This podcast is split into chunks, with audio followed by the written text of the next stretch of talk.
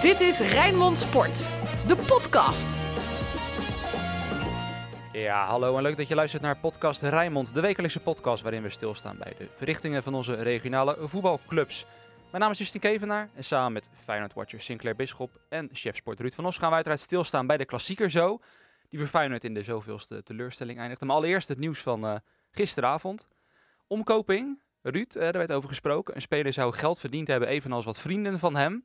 Aan het pakken van een gele pakken kaart. van een gele kaart, inderdaad. Ja, nou zijn jij en Sinclair net uh, even achteraan gaan. Hè? Jij hebt gesproken met Henk van Stee allereerst. Uh, wat had hij te melden? Want op Twitter, ja, grondstuk van de geruchten. Mensen gaan op jacht, gaan zoeken. En onder andere een Spartaan kwam daar wel naar boven. Nou ja, kijk, het, het is zo. Uh, de, de, woordvoerder van de politie in deze zaak deed zijn praatje in het NOS-journaal voor het politiebureau in Rotterdam.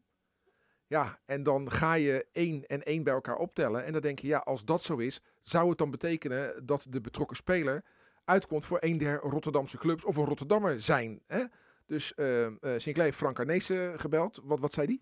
Nee, Frank Arnezen die uh, had het ook in de pers gehoord. Maar hij weet dat er bij Feyenoord in ieder geval niets speelt. Dus ja, anders zou de technische directeur echt wel op de hoogte zijn... als een speler al door de politie ondervraagd is. Dus als we Frank Arnezen op zijn blauwe ogen moeten geloven... is het in ieder geval geen speler van Feyenoord. Ja, en dat, dat geldt natuurlijk uh, voor in mijn geval. Ik heb uh, de technisch directeur van, van Sparta gebeld. Hè. Uh, die moet je ook geloven op zijn, blauwe, op zijn blauwe ogen door de telefoon. Want je kan niets hard maken. Dus het enige wat ik kan doen is, joh, Henk van Stee, wat, wat vind jij van deze affaire? Want een aantal gele kaarten die in januari is gegeven, voldoet aan de omschrijving. Die is meegegeven aan de gele kaart waar het over gaat. En dan komen er ook uh, spelers, ja, dan ga je, ga je uh, natuurlijk uh, speculeren. Dat is levensgevaarlijk. Dus ik heb het op de man afgevraagd aan Henk van Stee. Van, joh, hoe zit dat bij Sparta? Henk van Stee zegt, ja, je bent niet de eerste die belt. wij gaan vanochtend het gesprek aan met een aantal spelers. En dan gaan we maar eens kijken. Hij zegt, ik weet van niks, dus ik kan daar niets over zeggen. En ik ga zeker niet meedoen aan, aan speculeren. Dus wat dat betreft moeten we even geduld hebben. Maar dat de naam van deze speler misschien wel op het moment dat deze podcast wordt afgeluisterd al is uitgelekt... Dat lijkt me evident. Nou ja, dat lijkt me inderdaad een kwestie van tijd. Dat was een met Jordi Klaas hier dit jaar. Die, uh, dat ging om een andere situatie. Die, die, die had ingezet op wedstrijden van Jong AZ, meen ik. Uh, dus niet van zijn eigen ploeg, maar wel van een nou ja, ploeg die dichtbij hem zat. Uh, wel bizar. In ieder geval lange tijd niks over gehoord over omkoping. Maar toch, ja, het, het, gebeurt natuurlijk toch. Alleen je hoort er heel lang niks over. En toch, ja, het, het zou natuurlijk verschrikkelijk zijn. Stel dat het de speler van Sparta is. Dit kan Sparta juist, mm -hmm. hè, zit het in een flow. Ja, ze zijn natuurlijk al veilig. Enorm veel goed wel. En kan je de club daarvoor straffen, is de vraag. Nee, maar meer eigenlijk alle, alle ogen zullen ja. zich dan op de club in negatief opzicht ja. richten. En uh, ja, meestal als je in een flow zit, is dat nooit zo, uh, nooit zo Nee, de, dus de, de, al, als het een, een, nou ja, een Feyenoorder zegt Arnezen van niet, uh, Van Stee weet het nog niet.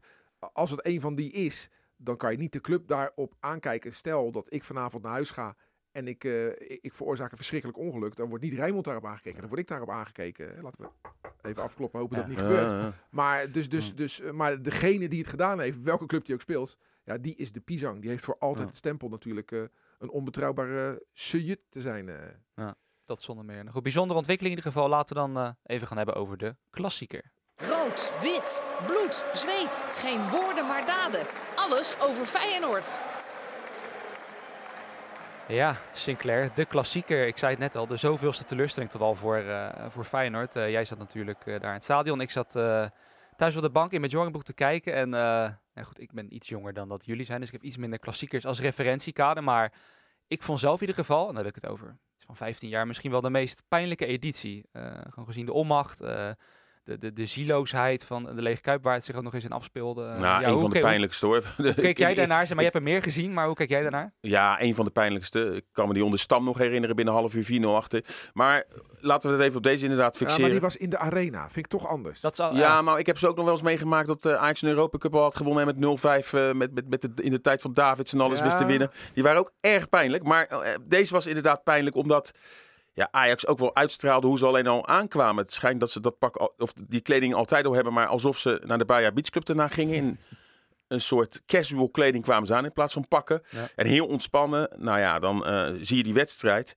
En dan heeft Feyenoord uiteindelijk toch nog kans. En als je dan ziet wat er allemaal gebeurt met twee eigen doelpunten, een gemiste penalty, de rode kaart van Malasia. Het zijn allemaal tekenen van een ploeg zonder vertrouwen. Ja, dit Ajax was gewoon te pakken. En bij elke kleine tegenslag, dan zie je eigenlijk die ploeg volledig, maar dan ook volledig in elkaar storten. Ja, als je, als je zo'n kans als Texera krijgt en je bent een geslagen ploeg en dit soort kansen gaat er dan niet in, ja, dan weet je, dan wordt het een hele moeilijke middag. En dan die twee knullige goals inderdaad en die meer gemiste strafschop, eh, de wet van Murphy.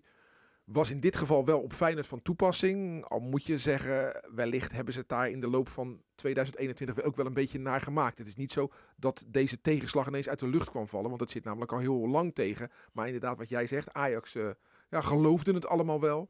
Speelde zeker in de tweede helft Och, wat speelde die een laag tempo, uh, die, uh, die Martinez. Ja. Nou ja, zeker. Het was gewoon een ploeg die, die, zeg maar, ja, die, die het heel goed kon, maar die niet echt hoefde. Nee, Tegen de ploeg die heel graag wilde, die natuurlijk wat recht wilde zetten, maar gewoon niet beter kon. Hè? Nee, nee, maar zo'n Martinez, hè, die, uh, die is dan wel wat gewend hè, uit, uit Zuid-Amerika. Die, die, die, denkt van ja, het hoeft niet, dus waarom zou ik? En dat straalde hij ook wel enorm uit. En de rest van de ploeg paste zich daarop aan. Haller had sowieso een snipperdag. Ja, dus, dus, dus, dus inderdaad. En als je dan als Feyenoord, zelfs tegen zo'n Ajax, niet tot scoren weet te komen en, en, en, en ze ja, zo makkelijk weggeeft.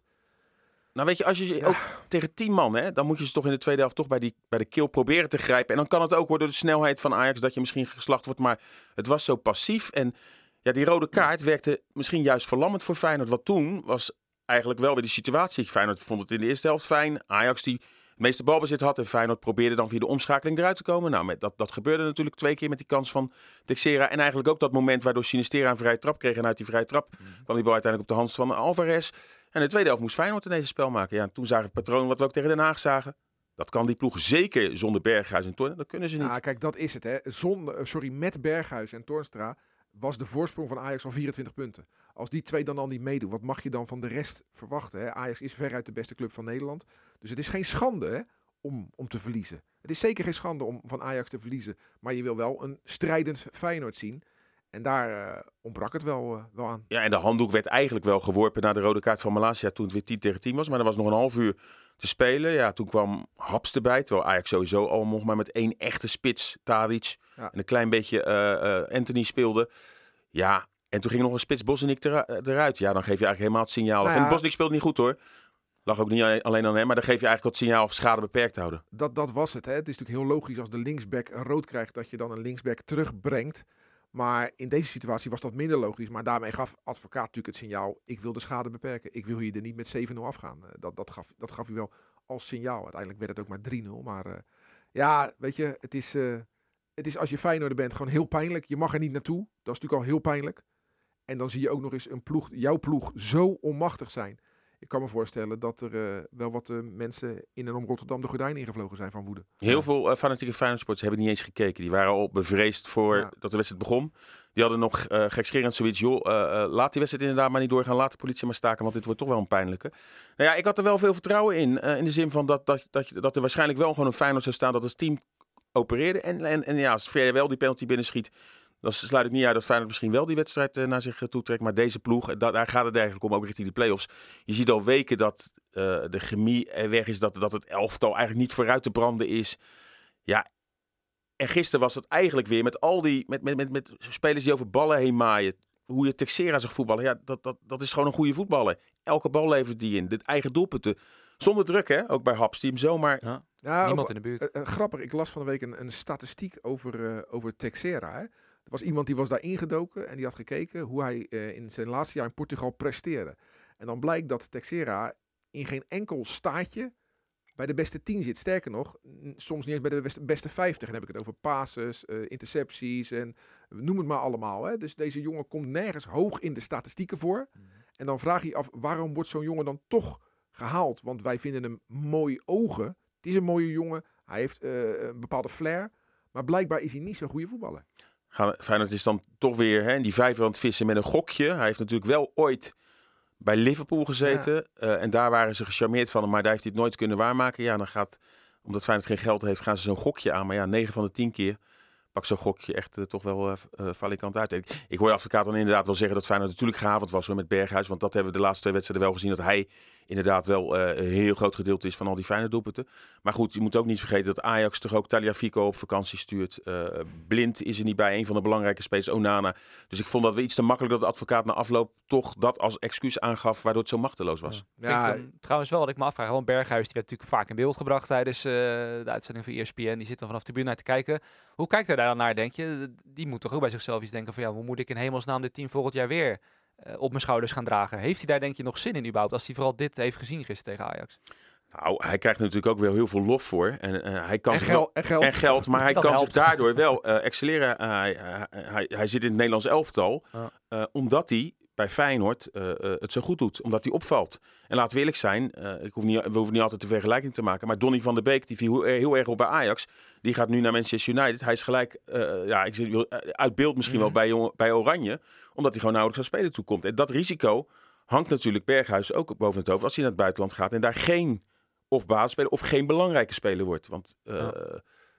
en, en bij Feyenoord is hij ja, eigenlijk verzekerd van dat hij alles mag nemen en dat hij zijn doelpunten echt wel gaat maken. Ja, nou ja dat was natuurlijk eerder toen hij naar Watford ging. Toen was hij natuurlijk volledig uit beeld. Eh, en Maar toen was hij wel heel jong. Tuurlijk, en- een andere situatie club wel. misschien. Hij gaat Ja, nu ja. anders het buitenland in. Hè? Dus, dus na het EK. Ja, stel dat hij eh basisspeler is wat zomaar kan. En eh, je knalt er eentje in. Dan is je kostje wel gekocht. Ja. Hè, hij hoeft het voor het geld natuurlijk niet te doen. Want dan verdient hij genoeg bij, bij Feyenoord. Maar ik kan me Ja, voorstellen. hij heeft ook nog een schoonvader. ja, ja, Die ja, eh, ja, heel erg. Sowieso. Maar ik denk wel dat hij diep van binnen denkt van het is mooi geweest hier. Ik ben kampioen geworden. Het wordt alleen maar minder. Dus eh, het is tijd, eh, tijd om te gaan. Ja. Dan tot slot, play-offs lijken er wel een feit, hè? Die vijf punten tot Vitesse. Oh, wilde het niet eh, over Ver nog hebben, penalty? Ja, nou ja, wilde wel benoemen in die zin van hij wordt natuurlijk een beetje als zondebok genomen. Ook sowieso zijn spel natuurlijk. En vorige tegen ADO een cruciale fout eh, die, tot, die tot een goal leidt. Ook nu bij die 0-3 dat hij er weer niet goed ja, uitziet. maar d- dat vind ik te, te rechter dan over de strafschop beginnen. Ik bedoel, strafschoppen nou ja, dat is inderdaad een moment. Maar het gaat verder dan dat eigenlijk. hè? Precies, de strafschoppen worden over de hele wereld gemist. En Leroy Fair had qua strafschoppen niet eens zo'n slecht record. Dus ik vond het niet raar dat hij hem nam. nee. En het kan gebeuren dat hij hem mist. Eh, toen hij zijn aanloop nam, had ik ook wel het idee dat hij links van Stekelenburg zou gaan schieten. Dat, eh, ja, het is, het, is, eh, het is sneu, maar dat balverlies, dat kan je hem zwaarder aanrekenen. Hè, vorige week in Den Haag, al vond ik wel in Den Haag dat er ook slecht geanticipeerd werd door Bottegien. Die wegliep van de bal in plaats van dat hij er naartoe ging. Waardoor die speler van Den Haag er eerder bij was. En, en, maar gisteren liep hij zich echt wel eh, liep hij zich een beetje dood ten opzichte van drie man. Ja. Ja, en dan... eh, Maar dan denk ik wel, Schoenmaker blijft bij je leest. Hij is altijd echt als eh balafpakker en gewoon als sterke man op middenveld is hij van waarde geweest. Naar het WK natuurlijk gegaan. En ik denk dat als hij dat doet, en dat deed hij op een gegeven moment vorig jaar aan de advocaat, is het misschien wel de belangrijkste speler naar Berghuis bij Feyenoord. Maar hij wil vaak te veel. Lopen met een bal, dat doet hij veel. eh, omdat hij misschien te veel wil. Zo'n penalty nemen. Ja, achteraf inderdaad, wat Ruud zegt, zijn statistieken eh, eh, waren nog niet eens, eens zo onvoordelig. Maar hij, ja, iedereen keek elkaar de perstribune ook aan. Hij, de strafschop nemen. Je zou toch iemand anders verwachten. Of een spits, of een Linse. Uh, Kuksu heeft natuurlijk een goede trap. En dan, ja, denk ik dat hij misschien wel iets te veel hooi op uh, zijn vork neemt. Overigens, Feyenoord tegen strafschoppen en tegen Ajax, dat gaat ook de laatste tijd wel vaak mis. Hè? Jurgensen, Ja. een paar jaar geleden Ja. in de Kuip, Maar- missend. je Immers in de arena. Je moet je voorstellen, Fe- Feyenoord krijgt een strafschop. Het staat 1-0 achter. En de, eh, Feyenoord is een ploeg op dit moment, dat weten we allemaal, zonder zelfvertrouwen. Dan ga, wat gaat er dan gebeuren? Dan gaan er van een heleboel spelers de hoofden naar beneden. Ze willen geen oogcontact met de aanvoerder, want dan denken ze dat ze moeten nemen. Ja, en als dan de aanvoerder om zich heen kijkt en iedereen met zijn kopje naar beneden ziet, dan denkt hij, ja, dan zal ik, het, zal ik hem toch zelf moeten nemen. Ook omdat hij geen slecht record heeft.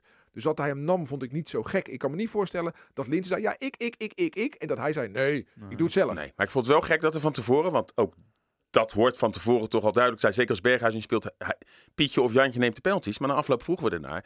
En de advocaat zei, ja, nee, ja, normaal neemt Berghuis. En eh, dat is de aanvoerder en die bepaalt dan altijd. Dus ja, dat was dan nu, was ver de aanvoerder. dus ja.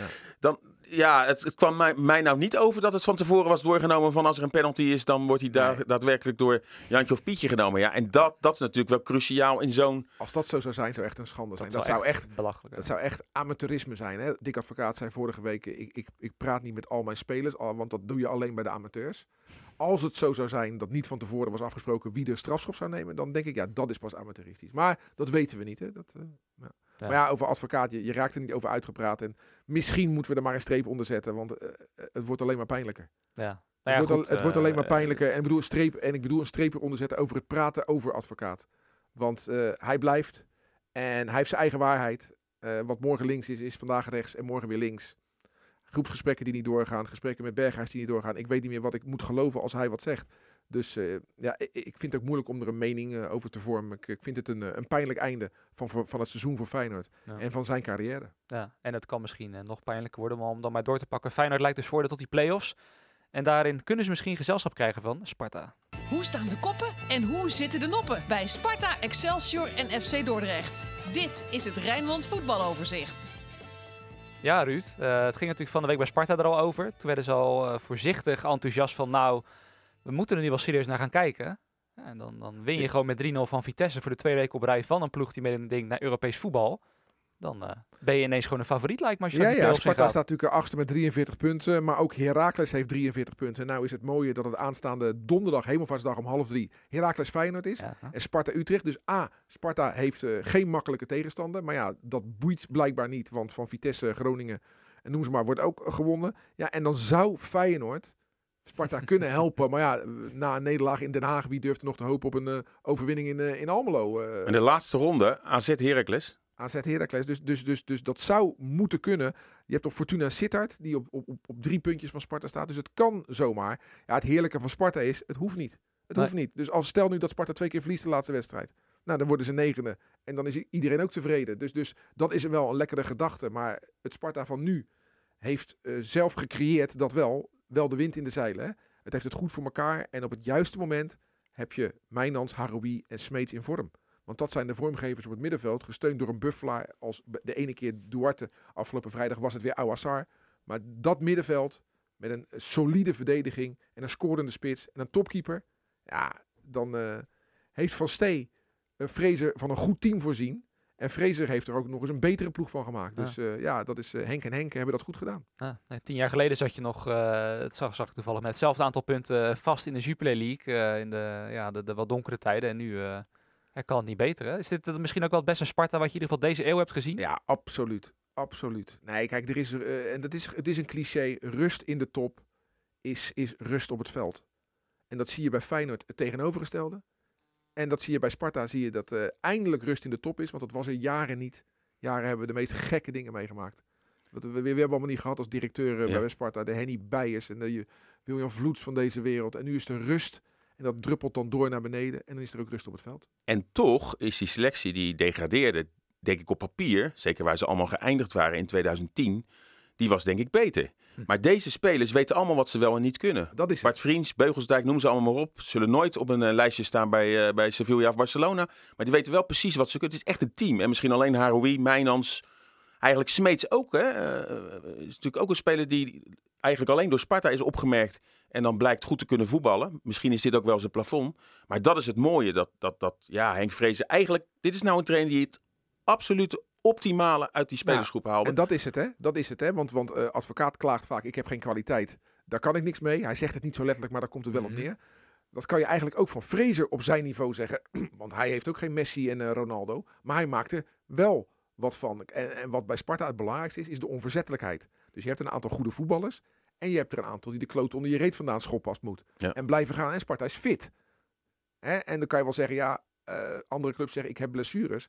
Maar dat hoort ook bij het proces waar je in bezig bent. Als jij veel blessures hebt, kan je niet alleen maar zeggen dat het pech is. Ja. En En dat, bij Sparta zijn er gewoon heel weinig blessures. de wisselspelers schikken zich in hun rol. Of nou Ja. Wouter Burger is, Ja. Smeets lange tijd, eh, Du- Duarte is. Je hoort ook niemand morren. En als ze erin komen, de meega's en alles, dan zijn ze ook van waarde. Garkoes, toch met heel veel ambities naar Sparta gekomen, hoor je, hoor je niet morren. Dus wat dat betreft, vrezen, zorg, ja, dat, dat klinkt heel makkelijk. Maar je moet ook gewoon zorgen dat je uitstraalt naar die spelers van... Hey, ik ben de baas en anders ga je maar een deurtje verder kijken. En je hoort niemand morren en iedereen eh, is van waarde als die invalt. En dat terwijl Sparta natuurlijk slecht aan het seizoen begon. Ja, stond nog dat- laatste. Een paar, Precies, maar dat kwam door de, het zwaarte van het programma. Maar ook slecht aan het jaar begon. Want in januari was het ook niet goed. Maar twee gigantische oplevingen hè, in oktober, november, eh, december. En nu in eh, maart, april, mei zorgen ervoor dat ze er fantastisch voor staan. En dit, ja, dit, dit doet verlangen of, of herinneringen oproepen van de, de Barry periode 1983.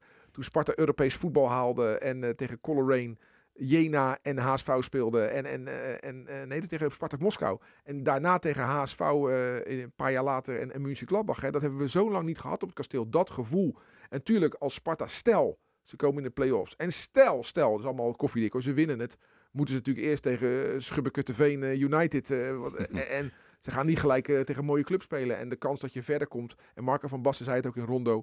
Moet Sparta dan een, een Nederland in Europa gaan vertegenwoordigen? Nee, tuurlijk, hij heeft hij een punt. Maar het zou wel leuk, al is het maar één rondje. Ja, Ja. toch? Ja, in de vorm ligt niet. Ik bedoel, de laatste acht wedstrijden staan ze gewoon vierde achter PSV, AZ Ja. en Ajax. Eh, de rest staat er allemaal achter. Feyenoord staat achtste wat betreft die, eh, laatste acht speelrondes. Dus, uh, ja, de play-offs zijn wel natuurlijk één wedstrijd. Hè? Door corona is dat beperkt. Dus, dus stel, het wordt Feyenoord tegen Sparta, dan is het maar één wedstrijd in de Kuip. Zal Dick Advocaat leuk vinden. Ja, en dan is, het, dan is het één wedstrijd. En dan die finale van die play-offs tegen de winnaar van Groningen-Utrecht dan, Ja. is ook maar één wedstrijd. En dan speelt de hoogspelende speelt thuis. Hè? Altijd thuis. Dus Sparta zal altijd twee keer uitspelen. Sparta zal altijd uitspelen en Feyenoord zal altijd thuis spelen in die twee wedstrijden. En dan eh, ja, ben ik wel benieuwd of Dick Advocaat op zijn borst durft te kloppen en zeggen... hey, het is toch gelukt? We hebben toch Europees voetbal? Heb ik toch beloofd? ik hoop dat hij dat achterwege Ja, laat nee, dan. hè? inderdaad. Dat eh, durf ik niet eh, te stellen. Maar goed, dan nog heel kort even de keukenkampioen-divisie. Eh, ja, gigant, eh, daar is woensdag een gigantisch spannende promotiestrijd. Helaas zijn natuurlijk alleen onze regenclubs al een tijdje klaar. Eh Dordrecht verloren van kampioen Cambuur met 0-1. Die zijn nu definitief laatste. Dat is natuurlijk een, een pijnlijk gegeven. En Excelsior is weer al een tijdje bekend. Die zijn ook al een tijd klaar. 2-1 bij Jong AZ en eh, gaan definitief negende worden. Hè. De Maar mag, mag ik, ik vind wel dat, dat ja. FC Dordrecht 10 punten erbij mag krijgen. Omdat zij gewoon eh, een fatsoenlijke erehaag vormden voor de kampioen. Dat is inderdaad wel zo. Ja, dat was inderdaad wel, eh, wel netjes. Dat gebeurde elders eh, niet inderdaad. in een ander stadion. Ja, dat is wel eh, apart Maar ja, eh, het is wel pijnlijk dat dat je hoogtepunt van het seizoen is. eh. dat maar meteen wel, ja. ik vond Feyenoord wel heel erg aardig voor Ajax hoor, met twee eigen doelpunten. Dus, ja, nee, Dat, Feyenoord was, had, dat hoorde ik ook van veel Ajax-vrienden. Misschien wel leuker dan de Erehaag, zeg maar. nee, Feyenoord had geen erehaag, maar een rode loper. Ja, dat was Ja. net, iets, eh, net iets anders. Nou, ja, goed, maar goed, die clubs zijn dus in ieder geval klaar en die gaan de play-offs niet halen. En ja, vooral voor Excelsior. Ik denk niet dat Ferry Daan dat denkt als hij nu die... Het zijn vier clubs, geloof ik, die er nog meedingen naar die tweede plek. Dat hij denkt, ja, deze selectie hadden wij al wel tussen moeten staan. Tussen de Almere Cities en, eh en Nou, en ze, ga- ze gaan eh, woensdag wel een, eh, een, een, een rol spelen in de promotie. Maar dat komt omdat ze tegen Go Eagles spelen. Excelsior eh Go Eagles. Dus eh, ja, dat is natuurlijk wel heel erg interessant. En het is NEC Dordrecht. Ja, die gaat dan helemaal nergens meer om. maar Graafschap wint normaal gesproken toch thuis van Helmond zou je zeggen. Ja, zou wel leuk zijn Kees ja, natuurlijk bij de Eagles. wat druk soms met voetballers doet. ja. Ja, dus, eh, de twee oud Feyenoorders bij de Eagles, die eh, met Verwonder en Bosveld, die daar eh, Ja, de ja. scepter En zwaaien. Zou wel leuk zijn voor Bradley van Hoeven Ja. van... eh, Die terugkeert naar Sparta. Sparta. Speelt ook heel goed de laatste tijd. ja, daarom. Dus eh, ja, als ik dan moet kiezen tussen de Graafschap en de Go Ahead, vind ik dat moeilijk. Bij de Graafschap en Oud-Spartaan als, als coach, Mike Snoei. Want dat zijn twee echte aanwinsten voor de eredivisie. Met een echt stadion, met een echte achterban. Dus ze zijn wat mij betreft allebei welkom. Cambuur ook een echte club. Ja, ik, Maar misschien met wat er vorig jaar gebeurde met die niet afgemaakte tuurlijk. competities verdient Graafschap. Ja, Ja. zeker. Maar ik ben blij dat Almere het niet wordt. Want dan krijg je weer zo'n fietsenstalling er in, in de eredivisie. Net als RKC. Dat- sleeping, sleeping Giant, hè? Ja, het is goed met je. Nee, nee, nee. Ik, ik, ik hoop dan op de Graafschap of, of Goat Eagles. Waar mijn persoonlijke voorkeur meer uitgaat naar Goat Eagles. Maar als het de Graafschap is, eh, ach, vind ik ook prima. Ja, tot slot dan nog even heel kort de Rijnmonder van de week. Wie viel erop deze week? En op wie moeten we gaan letten? De Rijnmonder van de week. Ik ga voor Emega. Eh hij maakt zijn eerste doelpunt in het betaalde voetbal. Maar als je dan ziet hoe het elftal het viert, dan, dan blijkt gewoon dat ze je geen klootzak vinden, maar dat ze het allemaal je zo gunnen. En dan het shirt uit eh, voor een jongen eh, hè, met wie die in de jeugd speelde die verdronken is. Eh uh, Sedamo Sanoun? Nee? Oesmane Oesmane Kone. Kone, Kone. Eh, ja, dat was gewoon zo mooi om te zien. Ja, heel weinig voetballers die, die, die, die zoiets nog, nog doen. Hè, Ja, voor, die die kant laten zien inderdaad. ja, om Dat die kant nog, laten zien. En, en eh, het was ook wel mooi dat hij zei, vorige week had hij dat shirtje eh, uiteindelijk gedrukt. En hij zei, eh, deze week ga ik scoren. En dat doet hij dan ook. Hij hikte er al heel erg lang te- tegenaan. Nee, ik ga voor, eh voor eh Emega. Ja, daar ga ik in mee dan. eh, Ja. bedoel, je, je, je kan wel meer Spartanen noemen, maar dit verhaal was gewoon het mooist. Nou, inderdaad. En past ook in die hele flow waar Sparta in zit. Hè. De good boys gigantisch. En ik denk ook dat ja, buiten fans van die clubs om die nu in die play-offs zitten, dat iedereen daarmee ook Sparta nu wel echt gunt. Ze hebben ervoor mee. Ze hebben dan zo'n mooi moment als met de Mega zitten bij. Er is denk ik niemand, ja, nogmaals buiten die clubs die in die play-offs straks zitten, die het Sparta misgunnen. Dus eh, Inderdaad. dat is alleen maar, eh, alleen maar mooi. Dat was hem voor deze keer dan weer. Later deze week zijn we natuurlijk er weer bij met de Sparta en Feyenoord podcast. En op tv kan je natuurlijk maandagavond weer kijken naar FC Rijnmond, waarin we ook uitgebreid gaan stilstaan bij de klassieker. Bedankt voor het luisteren. Dirk Kuyt, de gast. Dirk Uitgast, kijk eens aan. Nou, dan Dus, moet je eh, sowieso zeggen, eh, kijken. gaan kijken en luisteren. Bedankt voor het luisteren naar deze podcast en graag tot de volgende keer. Dit was Rijnmond Sport, de podcast. Meer sportnieuws op Rijnmond.nl en de Rijnmond app.